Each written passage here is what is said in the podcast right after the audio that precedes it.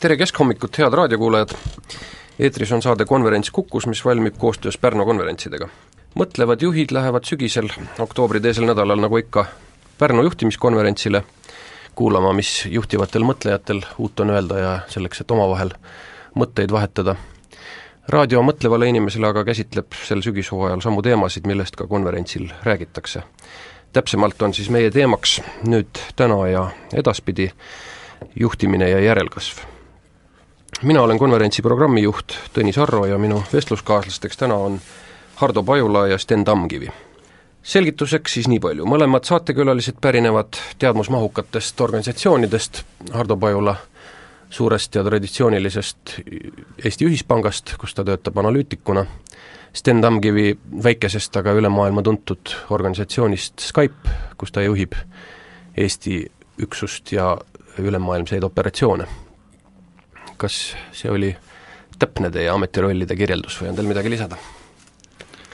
jah, nii see on, et kuigi minu vastutusala Skype'is on see, et kõik Skype'i teenused töötaksid äh, ja, ja kõik kontorid jookseksid, nii edasi, olen ma üks kahest Tallinnas istuvast Skype'i juhtkonna liikmest ja tänu sellele teeb mulle ka, puutub, puutub minusse väga palju ka see, mis Skype'i Eesti kontoris üldiselt toimub. kas, et operatsioonide juht on niisugune äh, mitte kõige levinum ametinimetus, kas see tähendab seda, et, et Skype'i operatsioone ülemaailmselt juhitakse siis Eestist või on neist suur osa õieti Eestisse koondatud? see tähendab mõlemat mm. -hmm. täna minu organisatsioonis on kuskil viis-kuus inimest istub Londonis, ülejäänud on kõik Eestis mm. -hmm selge, ja, ja Hardo Pajula on, on siis Ühispanga majandusanalüütik, mida sa täpsemalt siis teed? Eks ma ajan sellist, või noh, ise küll eelistaks pigem sellist amet, ökonomisti ametinimetust ja sellest juba tuleneb see, et eks ma ajan sellist imelikku ökonomisti juttu, millega enamikel tihti pole midagi suurt peale hakata, aga aga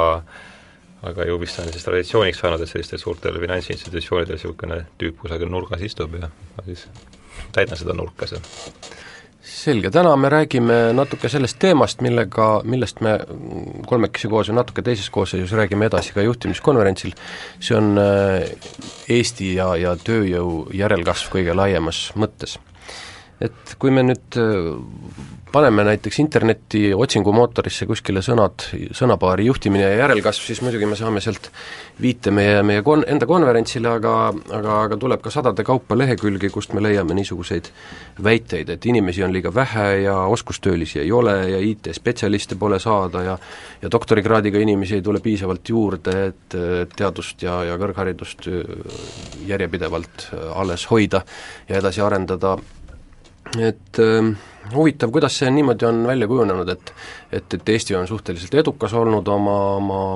viimaste kümne-viieteistkümne aasta majandusarengus ja, ja, ja kõik räägivad seda, et, et ikkagi inimene on kõige tähtsam, aga samal ajal räägivad, et inimesi ei ole ja inimesi on liiga vähe, et, et mis te, mis te selle kohta oskate öelda? kuidas me oleme nii edukaks saanud, kui inimesi üldse ei ole saada? noh, eks see sõlt-, võib-olla niimoodi, et vaataks, kus see nullpunkt oli, et et millega võrreldes me siis oleme edukaks, millega, või millele tuginedes me siis väidame, väidame, et me üldse edukad oleme, eks, et et noh, päevselge, et viieteistkümne aastaga on meie keskmine, eestlase keskmine elatustase ikka väga oluliselt tõusnud ja see ei ole ka midagi siin väga imestamisväärset, sest kui me mõtleme tagasi selle süsteemi iseärasusi, kus me tulime, siis see oli ikka selline tervet mõistust trotsiv äh, majandamine ja prevaleeriv või oli nagu esikohal ja no millest tuleneb see, et kui, kui sellises olukorras jätta suuremad lollused tegemata, eks, ja, ja tuua niisugune mõistus kotiga tuppa, siis see annab kohe suuri, noh esialgsed tulemused on kiired, kiired tulema, eks, ja ja, ka millest tuleneb ka, millest edasi tuleneb, et et kui see esialgne edu on saavutatud, siis järgnevate sammude tegemine muutub järjest raskemaks ja ma arvan, et võib-olla see need kaebused, mida me praegu kuuleme, neid tulekski vaadata võib-olla selles nagu võtmes, et et see, me oleme saa-, me oleme ammendanud selle esime-, esimese suhteliselt kergesti saavutatava kasvu esimesed allikad on suuresti, suhteliselt kiiresti ammendunud. nii et selle oleme ära teinud, mida, mida, mida oskasime ja, ja, ja selle edu kätte saanud ja nüüd ei oska enam järgmist sammu teha, võiks nii öelda või? nojah, ka niimoodi võib sõnastada, jah. mõnes mõttes äh, võib ka ju öelda, et tegelikult inimesi on me oleme liikunud punktist, kus inimesi on ja kes leiavad kõik endale hea tegevuse, äh, töötus langeb, kõik muud sellised indikaatorid, nüüd me oleme jõudnud punkti, kus inimesi on, aga neid ei jätku kõigile ja ma arvan, et üha lähemal on punkt, kus inimesi on, aga neid ei jätku kellelegi piisavalt. selleks, et teha seda, mida üks või teine ettevõte või organisatsioon või ülikool teha tahab. ja, ja see, siin ma arvan, et kas või Skype'i Eesti konto on hea näide, maailma mastaabis vaadates ühe riigi ja ühe ettevõtte proportsioone, siis siis oleme jõudnud sellisesse suhteliselt absurdsesse punkti. et kui vaadata Skype'is töötavate tarkvaraarendajate arvu ja tarkvaraarendajate arvu kogu riigis, siis näiteks USA-s tähendaks Skype'i-sugune ettevõte täna kahesaja kuuekümne tuhande programmeeriga firmat.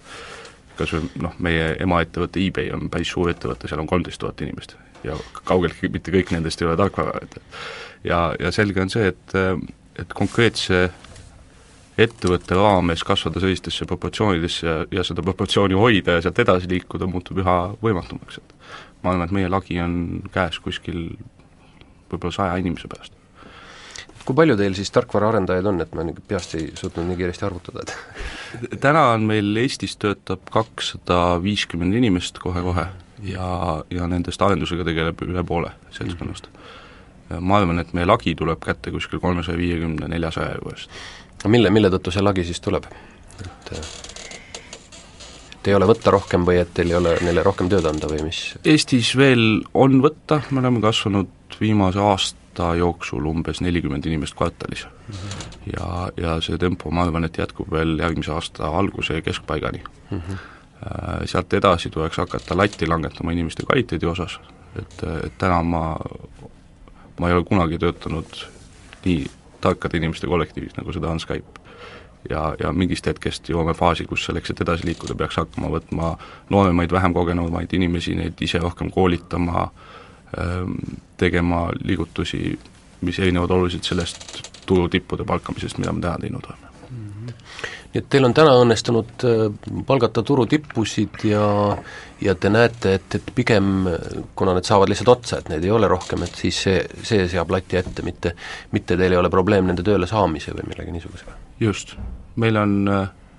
neid turutippusid äh, praktiliselt igas valdkonnas on kaks töökohta sisuliselt, kuhu me palkame ka selliseid vähekogenud inimesi, üks nendest on kasutaja tugi ja teine on, teine on kvaliteedikontroll. aga ka sinna me palkame inimesi, kes me näeme potentsiaali, et nad sealt kiiresti-kiiresti edasi kasvavad, et meil võib-olla kümned inimesed, kui mitte näiteks viiskümmend, on alustanud nendest rollidest ja kasvanud millekski enamaks või saanud, saanud seda teadmist juurde. Selliseid valmis tippe, kes kes istuks kuskil mõnes teises ettevõttes ja, ja ootaks pakkumist, jääb üha, üha vähem, vähemaks. kas äh, kuidas te, kuidas te värbate, kas inimesed tulevad ise pakkuma ennast teile või kuidas see, kuidas see käib, et äh, juhtimiskonverentsil on üks selline teema, mida me käsitleme, on, on tööandja bränd ja see, kuidas mõned üksikud ettevõtted, Mark Hoial räägib sellest konverentsi teisel päeval, Hewiti konsultant, maailma suurima inim-, inimestele pühendunud konsultatsioonifirma konsultant, sellest, kuidas mõned üksikud ettevõtted eh, üldise tööjõupuuduse olukorras on saavutanud sellise asja, et nendel on nagu ukse taga järjekord kogu aeg inimestest, kes sinna tööle tahavad saada, noh neid edulugusid on palju, Southwest Airlines on üks niisugune, kes samal ajal, kui, kui teistel on tööpuudus, on temal pidevalt järjekord ja, ja, ja ja tööjõu voolavus on täiesti kontrollitud, ühesõnaga inimesi tahab ära minna vähem, kui sinna juurde tulla ja nii edasi, nii edasi et kuidas siis Skype'iga on, kas teie, kas teie olete ka niisugune bränd juba, mida inimesed teavad ja ise tulevad, tulevad uksele koputama? ma siiralt usun küll, Skype'i bränd on, on võib-olla selles osas ka Eesti tööandja jaoks unikaalne, et, et see bränd tähendab väga palju Eestis sees, aga see tähendab ka väga palju globaalselt. et Eesti jaoks on Skype selline paljusid rõõmustav edulugu, millele elatakse kaasa ja, ja kas või vaadata meedia tähelepanu meile, et siis Skype'ist räägitakse väga palju. Äh, teisest küljest, kui sa töötad Tallinnas Skype'is, aga lähed puhkusereisile, ma ei tea, Austraaliasse ja sul on Skype'i t-shirt seljas, siis sind ka tänaval peatatakse ja tänatakse, et et see, see on, see on selline unikaalne nüanss selle töökoha juures, mida, mida me saame pakkuda, mida võib-olla paljudel teistel ei ole. kui va-, rääkida sellest, kust inimesed tulevad, siis äh, ühest küljest äh, me avaldame kõik oma vabad positsioonid internetis ja, ja selle peale tuleb tipphetkedel on tulnud üle saja, sada, sada viiskümmend CV-d äh, nädalas. ja, ja hetkel suvi, suvisel perioodil on see langenud võib-olla niisuguse viie kuni kümne CV-ni päevas. aga nend-, selle juures tuleb muidugi arvestada, et et väga suur osa nendest on välismaalt tulevad CV-d, sest me hetkel ei paku tehnilise taustaga inimeste tööd mujal kui Eestis ja väga suurt osa nendest me isegi ei hakka töötlema, kuna, kuna need on Euroopa Liidu välised ja, ja nende Eestisse toomine on selline keeruline protsess, mida on mõtet teha ainult eriliste kulude puhul. ja loomulikult on väga hästi toiminud ka selline Eestile omane mudel, kus, kus kui sa palkad häid inimesi, siis tüüpiliselt nad käivad läbi heade inimestega ja kutsuvad oma sõpru mm. -hmm öeldakse jah, et üks paremaid, paremaid värbajaid, parimaid nii püsivamaid töötajaid saadakse eh, just eh, nende hulgast, keda, keda oma töötajad on kutsunud, kes on kutsunud mõne hea, hea spetsialisti või hea tuttava või niimoodi, et, et need on, need jäävad kõige kauemaks püsima. üks huvitav niisugune üldine inimressurssidega seotud majandusnäitaja on, on tööjõu üldine voolavus, ma ei ole kohanud äh, andmeid selle kohta, kui palju on keskmine voolavus Eesti ettevõtetes, ega sa, Hardo, ei tea, kas on sellist, sellist näidet? eks ma arvan, et see statistika on mingis vormis olemas, aga ma ka ei oska praegu siin midagi sõna sekka ütelda. aga kui suur on ta Skype'is, kas teil on, on voolavus olemas või inimesi läheb ära ikka ka või ei lähe üldse, ainult tuleb juurde? me oleme, Skype tähistas teisipäeval oma täpselt kolmandat aastat. ja, ja selle kolme aasta jooksul Eestis tasemel, kus me oleme kasvanud sisuliselt nelja-viie inimese pealt kahesaja viiekümne peale, on lahkunud circa viisteist inimest mm. -hmm. ja mitte kõik omal soovil mm. -hmm. et äh, nii et pigem on need need inimesed, kellest te tundsite head meelt, et nad läksid või? noh, neid põhjuseid on erinevad, et näiteks üks, kui, kui meil töötab ka täna umbes viiskümmend välismaalast, siis, siis osa nendest on tulnud tähtajaliselt tööle ja et ka selli-, sellised inimesed on seal sees ja ma arvan, et siin on see vana hea rusikareegel, et et inimesi tavaliselt võetakse tööle professionaalsete oskuste pärast ja lastakse lahti nende isikuomaduste pärast. et kui filter on väga kõva ja, ja mis on võib-olla meie eripära, on see, et palkamisprotsessis osaleb väga palju inimesi. toimub palju intervjuusid, on palju kui me palkame arendajat, siis tõenäoliselt kohtub ta vähemalt viie teise arendajaga et see filter on väga kõva, et leida inimesi, kelle mõtteviis klapib Skype'i omaga ja, ja tänu sellele need inimesed jäävadki püsima huvitav, et niisugune Skype'i edulugu, et ma arvan, et, et, et see, mida, mida, mida sa nüüd praegu rääkisid, oleks, oleks selline, mida nagu tahaks, et, et paljude Eesti ettevõtete kohta saaks niimoodi öelda. et, et huvitav, kuidas see on võimalikuks saanud, kas, kas, kas millegipärast see Eesti majandusedu on, on teinud niisuguse Skype'i taolise nähtuse sündimise oluliselt seoses Eestiga või praktiliselt ju Eestis ehm, võimalikuks või millest see, millest see on tulnud, kas te oskate selle kohta midagi öelda? Ma, üks asi, millesse mina siiralt usun, mida ma olen näinud ka enne Skype'i töötades rohkem konsultatsiooniäris ja, ja müües tarkvaraarendusteenuseid teistele ettevõtetele selles kontekstis ma puutusin päris palju kokku näiteks Skandinaavia partneritega erinevatega. üks oluline vahe on see, et tänu Eesti väiksusele ja sellele, et sa pead igal, igasse projekti minnes äh, mõtlema selle peale, et sul ei ole inimesi, siis äh, väga palju asju tehakse sellise talupoja loogikaga ja, ja lihtsa sellise loogilise mõtlemise baasilt ära, et, et Eesti näiteks IT-sektoris on oluliselt vähem protsesse, protseduure, reegleid, ma olen näinud projekte, kus, kus näiteks Rootsi ettevõte läheneb projektile neljakümne inimesega, kellest viisteist on projektijuhid erinevatel tasemetel ja siis on mõned arendajad ka sattunud punti, kes teeb projekti kaks aastat ja küsib selle eest kolm miljonit eurot, samal ajal kui samaväärne toode Eestis sünnib näiteks kaheksa inimesega, kellest üks on projektijuht ja ülejäänud teevad kõvasisulist tööd, jõuavad küll vähem kirja panna selle kõrvalt, ehk siis mõne, mõningate rakenduste jaoks selline asi ei sobi, kus on väga täpselt dokumentatsiooni ja kontrollitavust vaja. aga selleks, et saada asi uksest välja, sobib see mudel tihtipeale väga palju paremini jah, see on üks, üks asi küll, mida mina olen nüüd kirjast-, kirjastamisega seoses väikse, väga lihtsad projektid, eks ole, mõnes mõttes, aga, aga kui ma ütlen oma mõnele, mõnele väliskirjastusele, et me teeme, toome selle raamatu näiteks kahe kuu pärast välja, siis nad ütlevad, kuidas see võimalik on, et, et, et raamat peab juba trükikojas enne, enne kui ta masinast välja tuleb, kuu aega seisma, ma ütlesin jah, et see on tavaliselt nii kombeks, aga tegelikult ta ei pea seal nii kaua seisma, et et ega nad teda kuu aega ei trüki, trükivad kaks päeva ju. noh, võib-olla veel vaadates seda turumajanduse loovat, loovat hävitamist, nagu Schumpeter kunagi ilusti sõnastas selle asja, et noh, ma, ma olen seda võiks ju niimoodi võrrelda kogu seda avastamise ja, ja katsetamise protsessi, et sellise noole loopimise mänguga, et inimesed loobivad kogu aeg mingit kümne või viie-kuue meetri kauguselt mingit märklauda ja enamuste nooled lähevad mööda, aga mõni tabab siis sinna südamikku ja ja see, et nad sinna tabavad, see on kuidagi siis kogu laiemale enda rahva hulgale pikas perspektiivis kasulik, mistõttu on tähtis, et, et noh, et ühiskonnas valivad, seavad arusaamad ja, ja, ja seadused ja need mitteformaalsed ja ja kirja pandud reeglid siis ikkagi soodustaksid seda, et inimesed seda mängu mängiksid ja loobiksid oma nooli selle, selle märklaua suunas, sest kui neid ei loobita, siis ei, ei tapa ka keegi, et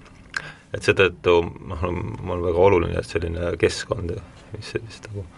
noole mängimist soodustaks, nagu säiliks, ma arvan, et, et noh, siin kõrval olev on üks, üks näide, kus on siis õnnestunud sinna noolega tabada sinna märklaua südamiku kanti jah, ja loodetavasti neid tuleb ikka, ikka juurde, kes proovivad, et ähm, tõenäoliselt tuleb, ega ma ei oska ka öelda no, täpselt. see sõltub jällegi sellest, eks, et kui me vaatame üheksakümnendate aastate algust, mis ja keskpaika, et millised väärtused inimestel olid, et, et ettevõtlus oli, oli nii-öelda noh, oli popp, eks, et, et nüüd kui sedamööda, kuidas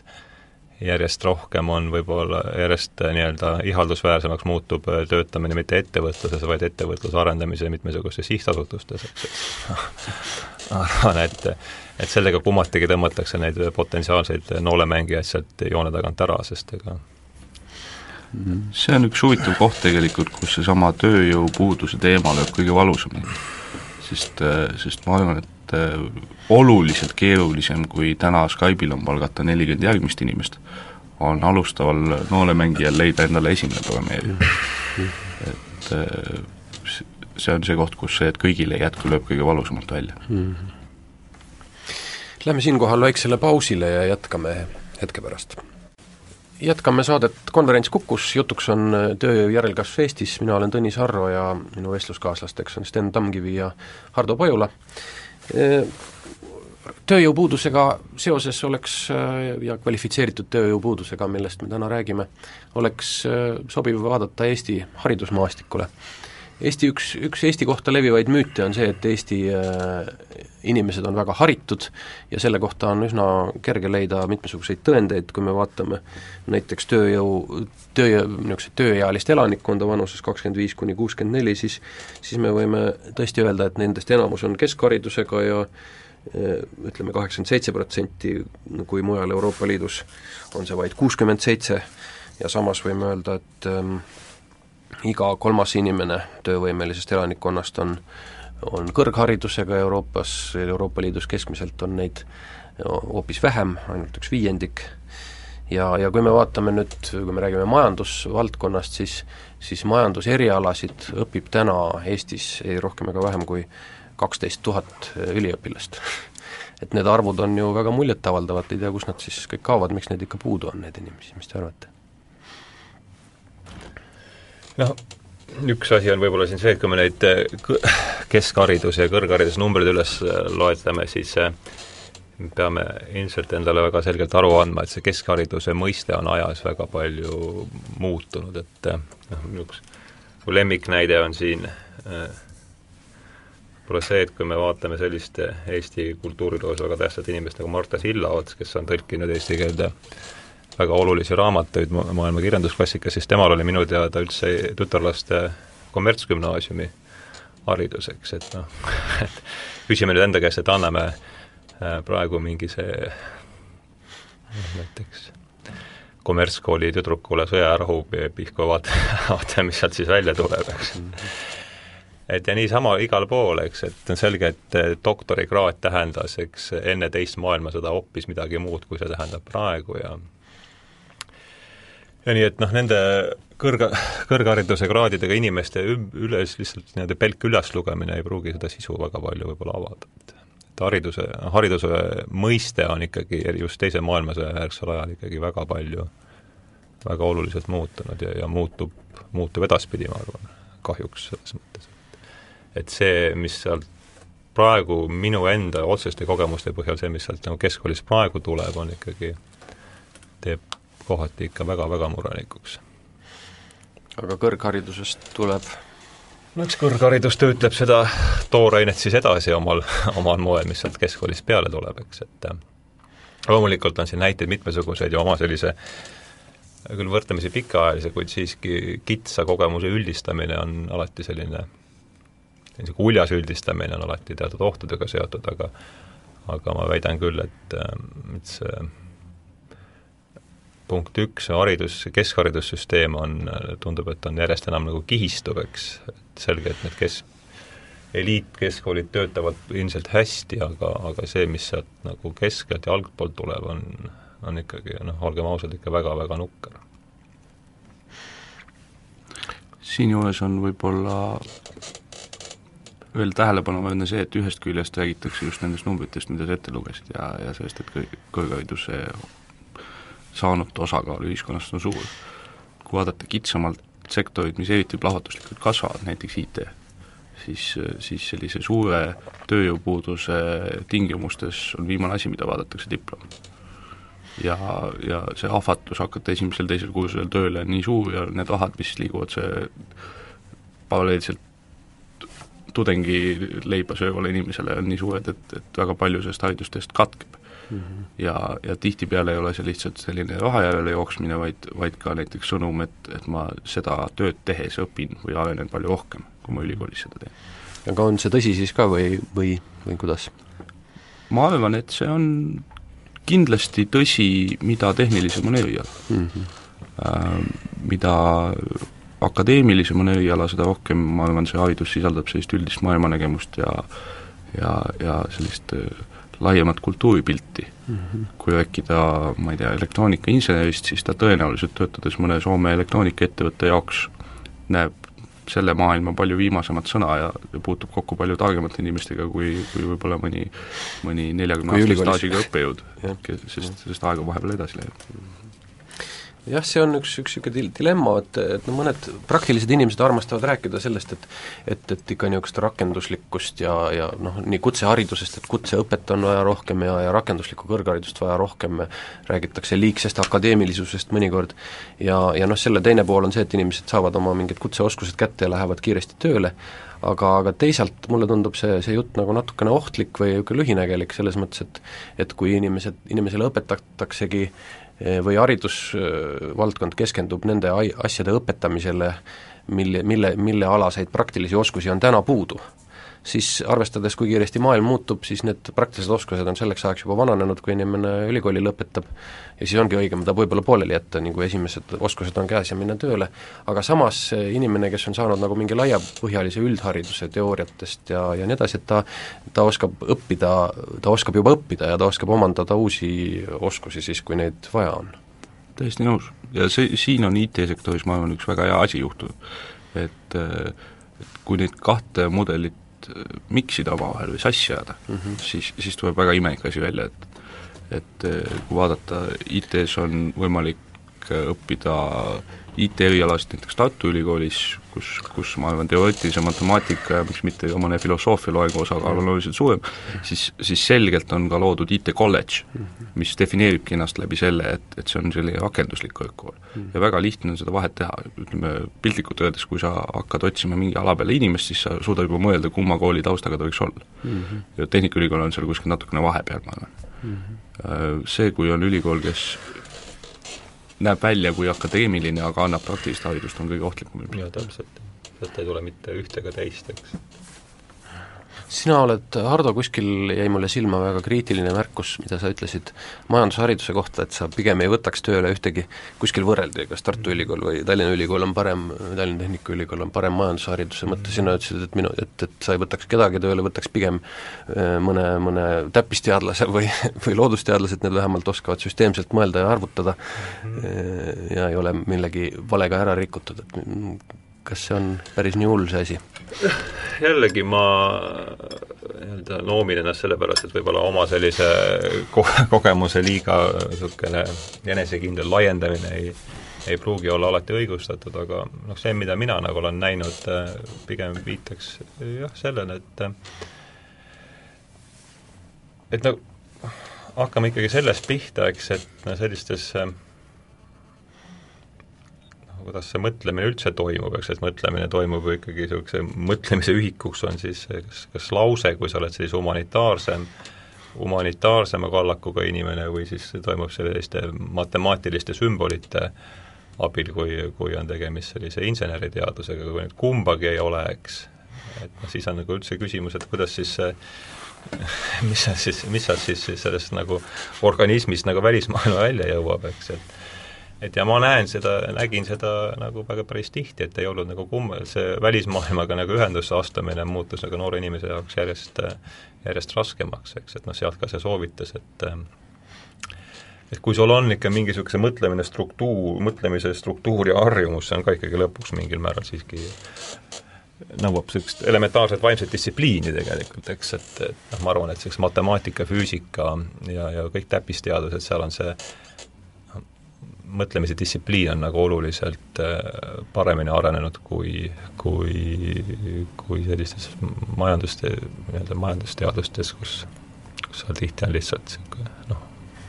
paljas udutamine nojah, ja kui, kui ma nimetasin enne seda, seda tohutut hulka inimesi, kes täna õpib äh, majandus- või äri erialasid, ja see, see kasv on olnud nii kiire, ütleme viimase kümne aasta jooksul ma julgen arvata, et umbes kümnekordistunud,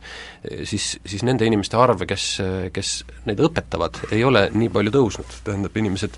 jooksevad mitme kõrgkooli vahel ja, ja need on paraku tihti needsamad inimesed, kes õpetasid kümme aastat tagasi, et et, see on see hull lugu selle juures, et et, et siin ei ole toimunud dialektilist hüpet kvantiteedi üleminekul kvaliteediks tõenäoliselt selles hariduses, et kvantiteet on tõusnud, aga, aga see on vastavalt mhm. lahjem või, või sama lahja, kui ta enne oli. võib-olla see üldse on iganenud, iganenud nägemus natukene, et sa pead õppima seda, mis valdkonnas sa tahad hiljem tööd teha. Mhm. kui ma mõtlen praegu selle peale, siis meil on meil on näiteks kasutajaliidest disainerid, kes on kas teoloogid või füüsikud ja mm -hmm. Skype'i Eesti personalijuht on näiteks füüsik mm. -hmm.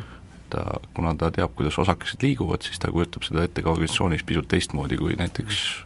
humanitaarharidusega või, või laia, üldise majandusharidusega personaliinimene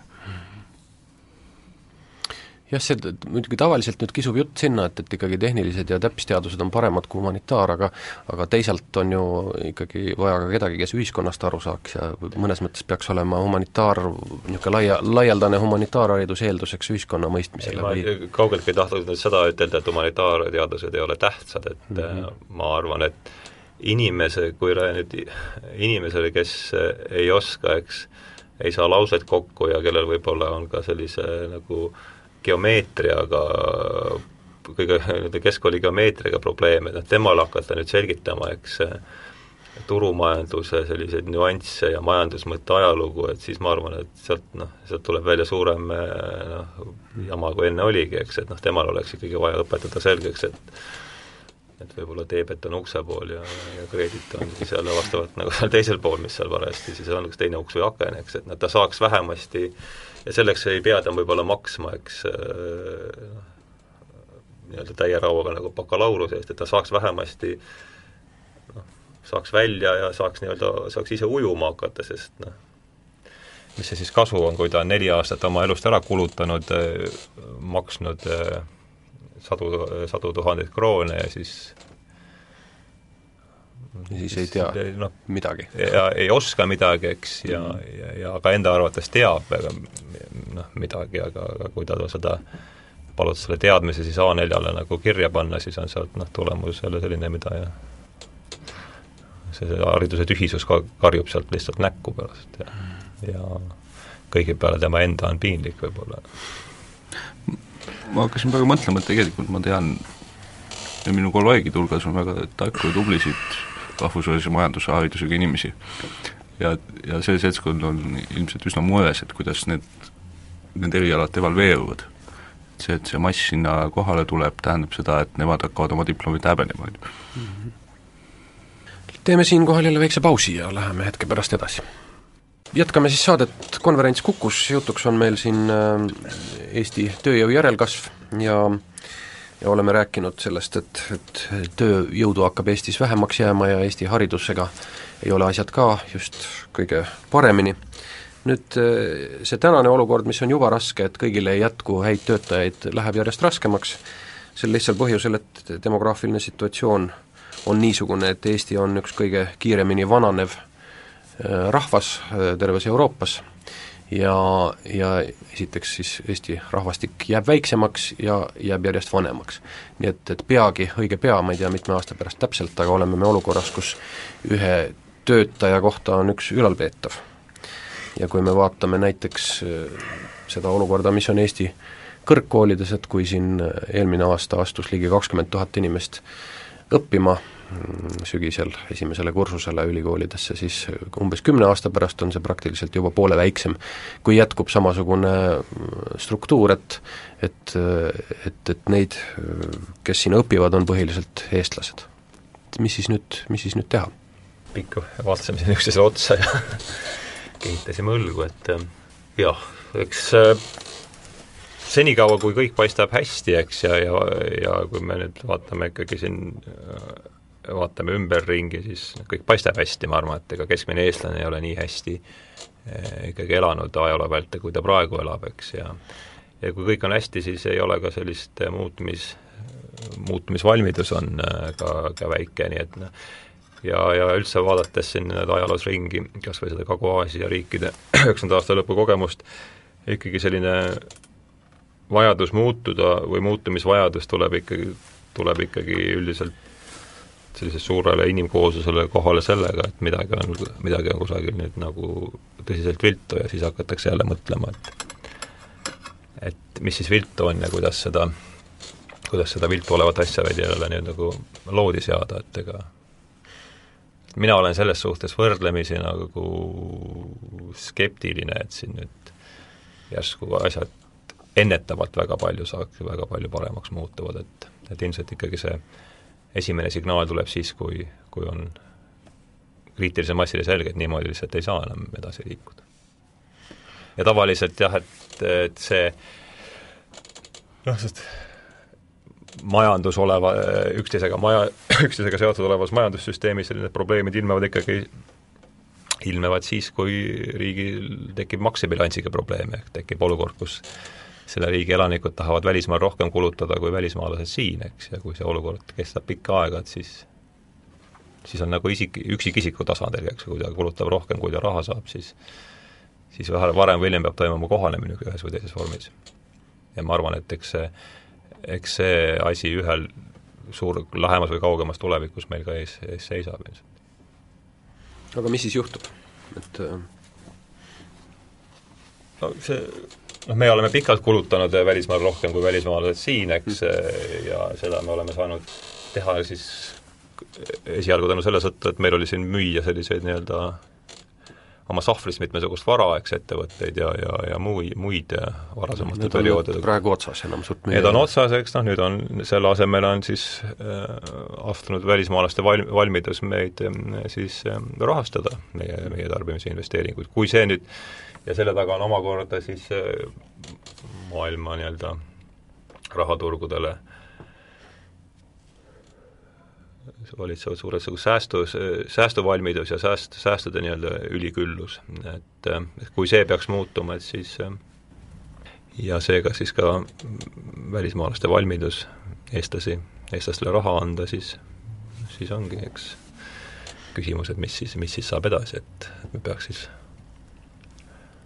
välismaal rohkem, välismaal selleks, et meie konkurentsi, meie kaupade konkurentsivõime taastuks, peavad siis kas meie hinnad langema, palgad langema või peab meie tootlikkus tegema suure, suure hüppe, et no, et praegu... see tegelikult, kui me vaatame Soomet, me vaatame Kagu-Aasiat, see on see kõik, kuidas Soomet, Rootsit siin üheksakümnenda aasta alguses, see on see, kuidas, kuidas kaudu see sõnumid inimesteni viiakse tegelikult selles, selles selles, selles ilmas. praegu on niisugune tendentsid pigem vastupidised, need asjad kõik tõusevad, mida sa ütlesid, et ma ei tea, tootlikkuse osas ma ei ole nii, nii kindel, et hinnad ja, ja palgad igatahes tõusevad. et, et mul on ammu kahtlus, ma ei tea, tegelikult andmeid on nii ja naasuguseid, et, et tööviljakus tegelikult ei kasva nii kiiresti, kui palgad kasvavad, et et, et palgad kasvavad natuke kiiremini ma ei tea, kas sa noh, praegu tegelikult ütleme, kui me nüüd vaatame, noh, statistika vaatab alati tagasi, eks, aga meid huvitab pigem eh, tulevik ja statistika töötab alati viitajaga, et ma noh, märgid näitavad, et see palgad siiamaani ei ole, ei ole tootlikkust väga palju edestanud, et mm, natuke, jah, tõesti natuke. võib-olla, et see, aga see, selge see, et see võidujooks palkade ja tootlikkuse vahel muutub järjest, muutub järjest nii-öelda pingelisemaks ja ja, ja praegu võib see juba olla teistpidi, me räägime, kui me praegu vaatame aastat kaks tuhat neli, kaks tuhat viis, siis siis siin võib olla selliseid ol-, nii suuri märke sellest, et nüüd tootlikkus palkade kasvule jalgu jääks, ei ole. ja sellest annab tunnistust kas või see, et ekspordi kasvutempod on ikkagi olnud päris kõrged praegu, üle, siin üle, üle kahekümne viie või kahekümne, kahekümne viie protsendi tuuris, aga veel kord, et see võidujooks muutub järjest, muutub järjest keerulisemaks ja, ja praegu võib see ju, ja praegu võivad juba palgad, eks äh,, olla tootlikkuse kasvust ees, nii et veel kord, statistika vaatab alati minevikku ja mm., ja aga noh, üks, üks võimalik lahendus ju, mida, mida noh, nagu iseenesestmõistetavalt pähe tuleb, on see, et et kui meil endal jääb, jääb töövõimelist elanikkonda vähemaks, et siis tuleb teda väljastpoolt kuskilt sisse tuua ja ja, ja seda on ka väljastpoolt meile soovitatud, siinsamas mõni nädal tagasi käis IMF-i esindaja Eestis, kes ütles, et ta, tema arvates peaks lihtsustama võõrd-, võõrtööjõu sissetoomist ja loomulikult äh, kuulsime me kohe Majandus- ja Kommunikatsiooniministri vastust sellele, et tema sellist asja küll ei poolda ja, ja selliseid lauseid võib äh, poliitikute suust äh, kuulda pea iga nädal. me saame muidugi aru, miks see on, poliitikud ei ütle tingimata seda, mida nad õigeks peavad, vaid seda, mida nad arvavad, et inimestele meeldib kuulda. ja, ja see on üks, üks meeldiv lause, et meie seisame tööjõu, võõrtööjõu sissetoomisele kindlalt vastu. aga, aga keegi ei räägi lahendustest ja, ja ma, mina ei saa õieti aru, mis, mis siis, mis need ohud siis on, mis sellega kaasnevad see võõrtööjõu, tööjõu temaatika juures on, on äh, minu arust hetkel kaks probleemi, et üks asi äh,, räägitakse protsessist või sellest bürokraatiast, mis on selle ümber, ja, ja, ja räägitakse väga kitsalt sellistes, noh, see on nagu kõrgharidusega, et kui on akadeemiline pool, rakenduslik pool, praegu on fookus selle aka-, sellel rakenduslikul poolel, mis, milline see protsess välja võiks näha. minu arust, mis on täiesti puudu, on selline äh, avalik diskussioon teemal äh,, keda Eesti riik peaks mitte sisse laskma ja, ja keda tal oleks vaja sisse lasta, et praegu lüüakse ühe puuga, kui sa ei ole Eesti Vabariigi kodanik, siis järelikult tuleb sulle teha takistusi mm. -hmm sellesama IMF-i visiidi juures tegi, tekitas teatud hämmingut see, et võõrtööjõu sissetoomine võiks olla vahend palgakasvu pidurdamiseks. et näiteks meie kogemus on puhtalt äh, see, et kui tuua siia tippspets mõnest Soome, Rootsi, Portugali või, või Inglise firmast, siis äh, okei okay,, tema absoluutnumbrites palk võib pisut langeda, kuna Eesti on mõnevõrra odavam riik elamiseks aga tema elatustase ei saa langeda, muidu ta ei mm. tule siia tööle. mis tähendab seda, et äh, täna on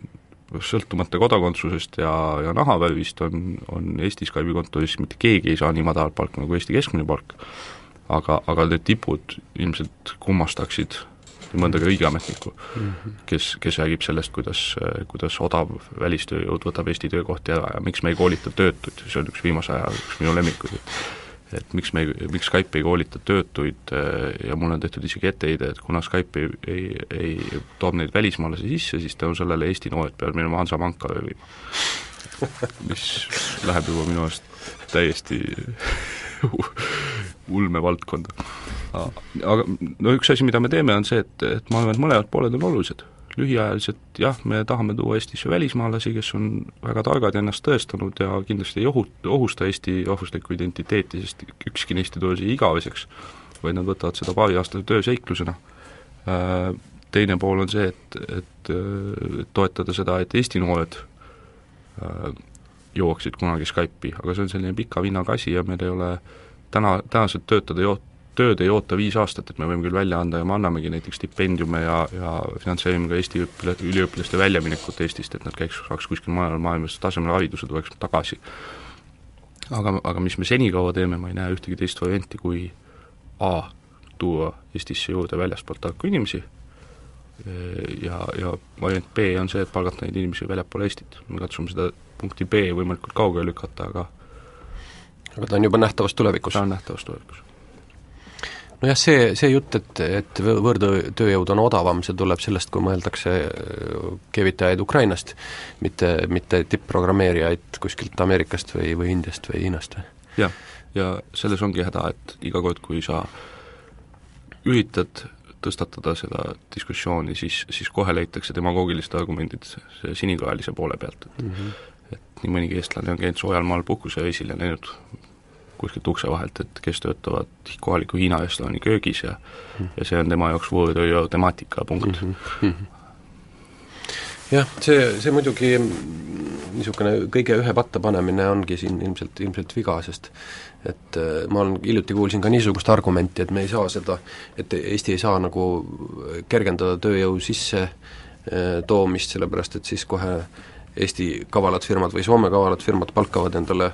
sada keevitajat ja samas saadavad nad järgmine päev tööle Soome, et, et, et selle pealt veel rohkem teenida, et makstes neile Eesti palka ja värvates nad Ukrainast ja ja pannes nad tööle Soomes, kus palgad on kõrgemad, et et noh, tore ju, kui on ettevõtlikke inimesi, keda see siis segab nii väga, ma ei saa aru, et et lõpuks teenistuskasum jääb ju siis Eestisse, kui keegi niisugust head äri teeb. minu arust on erakordselt lihtne võtta sellest äh, diskussioonist välja need punktid, mida heidetakse ette tasemel, et,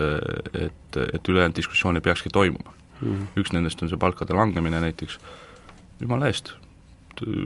tööluba, millega saab Eesti riiki sisse, kus selle aluseks peab olema tööleping, mille palk ei ole väiksem kui Eesti keskmine palk. lahendatud. ja ongi kõik. et, et aga see, selle, selleni nagu ei, üldse kiputa jõudma, et enne langevad silmaklapid kokku ja mhm. vaateväli ei ole mitte kitsas, vaid mul on raske küll ette kujutada, et keegi püüaks nüüd palgata väljastpoolt tööjõudu, kellele ta tahab maksta vähem kui Eesti keskmist palka, no mis, mis mõte sellel on, sellist tööjõudu, kellele, kes sellise palga eest on nõus töötama, leiab siit Eestist küll ja küll, et see ei ole ju probleem. ja üks teine teema on ju muidugi see, et see, mida ma enne nimetasin, kõrgharidus, et kui Eestis õpib täna umbes ligi seitsekümmend tuhat üliõpilast ja nendest umbes tuhat ainult on välismaalased, siis ja, ja eelmisel aastal astus õppima ligi kakskümmend tuhat inimest ja ja kümne aasta pärast on eestlasi, kes astuksid õppima poole vähem, ja samas on viiskümmend protsenti kõrgkoolidest või natuke isegi üle viiekümne protsendi erakõrgkoolid. nii et me võime ette kujutada, mis neil on soov teha selle peale, nad peavad oma klientuuri kuskilt mujalt saama. Nad ei taha ju oma, oma tulusid poole võrra vähendada, et nad on tõenäoliselt valmis tooma kas või ilma, ilma keskhariduseta hiinlasi siia sisse õppima magistriõppesse. et, et see, see hariduse devalveerumine, millest me enne rääkisime, paraku ilmselt, ilmselt võib veel süveneda seoses sellesama demograafilise olukorraga. jah, lõpuks on ikkagi tööturu, tööturu ja hoiakute sellised signaalid, mis siin haridusturul töötavad väga pika vinnaga, kui on selge, eks, et et see kõikvõimalike asjade juhtimine ei olegi see, mis nagu tulevikus leiva lauale toob, et siis võib-olla nihkub see, nihkub see vaatevinkel noorte vaatevinkel ka võib-olla rohkem sellistele käegakatsutavatele, käegakatsutavamatele erialadele, et aga noh, see jällegi võtab, võtab, võtab aega ja, ja ilmselt ikkagi eeldab mingeid selliseid suhteliste hindade ja palkade suhteliselt selliseid järske muutusi võib-olla isegi tulevikus. Kuidas nüüd siis äh, Skype talitab, kui ma saan aru, et Eestis tuleb lagi ette ja, ja väljastpoolt sisse tuua on inimesi väga raske, mis siis äh, kuidas üldse inimese sissetoomine käib, et võib-olla kõik raadiokuulajad ei tea, kui kaua see aega võtab, kui teil on täna vakants, teil on Ameerikas üks doktorikraadiga tipp-programmeerija, kaua aega läheb, et, et temale siin tööload ja asjad korda saada? kuna võib-olla Ameerika on halb näide, kuna Eesti, Eesti ja Ameerika Ühendriikide suhted on pea sama head kui Eesti ja Euroopa Liidu suhted, siis, siis äh, see mõnikord ei olegi nii hull ähm,. Eristatakse seda, kas see tööle tulev inimene on Euroopa Liidu seest või on ta väljaspoolt pärit ja, ja esimese poolega saab täitsa ilusti hakkama. see võtab mm -hmm. küll võib-olla mõned kuud aega, oleks tore, kui see läheks kiiremini, aga põhimõtteliselt tööjõu vaba liikumine mingil määral isegi eksisteerib mm. -hmm. Keeruline on see, kui see inimene on väljapoolt Euroopa Liitu ja, ja noh, see, see on selline teema, kus kui jälgida kõiki protseduurireegleid ja minna viimase pulgani välja ja kõik maksimaalsed tähtajad kehtivad, siis sa võid saada kas jaatava või eitava vastuse kaheksa kuud hiljem mis, mis näiteks paneb meid India ja Hiina CV-sid kohe kõrvale viskama, aga, aga võib-olla isegi see ei olekski nii hull, aga, aga kui vaadata siia lähemale, et et näiteks me teame, milline on poliitiline režiim Valgevenes, me teame, et Eesti riik on valmis võtma sealt tudengeid, aga -hmm. näiteks Valgevene programmeerijat tööle võtta on, on suhteliselt keeruline protsess mm. -hmm Ehm, samamoodi näiteks veel liitumata riigid, Rumeenia, Bulgaaria, kus, kus samuti ma tean, et näiteks äh, Ungari ja Tšehhi IT-tööstused kasutavad väga palju sealt liikuvaid inimesi. seal on siis lihtsam? seal on lihtsam. ja üldse tundub, et kogu Euroopa Liit liigub selles suunas, et äh, hakata eristama ähm, seda, kas inimene tuleb äh, kolmandast riigist sotsiaaltoetuse järele koos kaheksa lapsega Äh, või see inimene on tippprofessionaal, kes tahab tulla kaheks-kolmeks aastaks head tööd tegema mm. -hmm. ja, ja ma arvan, et seal on ka see Eesti väljapääs, et kus tuleb, neid mudeleid juba maailmas on päris palju, kus see süsteem toimib ja ja sealt tuleks õppida just sedasama eristamise poolt jah, natukene kummaline on see, et, et kui, kui sul on vaja ühte tippspetsialisti, ja sa võid personali värbamisega tegeleva konsultandi käest näiteks Fantasy's küsida, et kuule, kas sa saad mulle otsida sellist spetsialisti ja saad viie minutiga vastuse või poole tunni pärast, et ei, et me ei suuda seda leida, sellist ei ole siin mm -hmm. saada, siis sedasama lihtsat asja, mis valdkonnaga tegelevale inimesele on päevselge,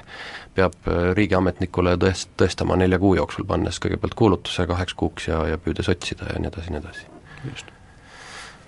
Äh, kahju küll, et meie jutt jutt äh, peab nii huvitava koha pealt katkema, aga meie saateaeg saab praegu läbi, äh, jätkame seda juttu Pärnu juhtimiskonverentsil, kus meiega liitub seda teemat arutama ka Eesti Vabariigi peaminister Andrus Ansip, täna olid stuudios Hardo Pajula ja Sten Tamkivi, eetris oli saade Konverents Kukus, mina olen Tõnis Arro, tänan ka kuulajaid, kohtumiseni järgmisel laupäeval!